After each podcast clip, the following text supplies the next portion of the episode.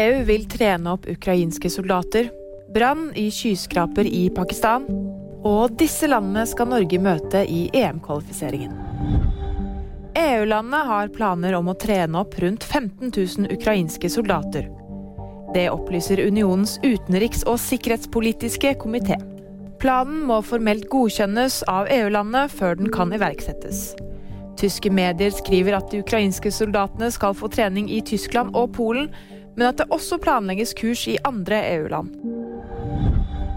Søndag ettermiddag kom det flere meldinger om en stor brann i bygget Centaurus Mall i Islamabad i Pakistan. Bygget huser bl.a. et kjøpesenter og et hotell.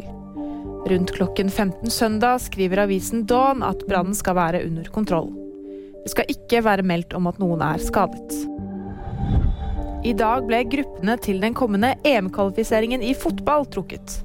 Dermed er det klart at Spania, Skottland, Georgia og Kypros blir Norges motstandere.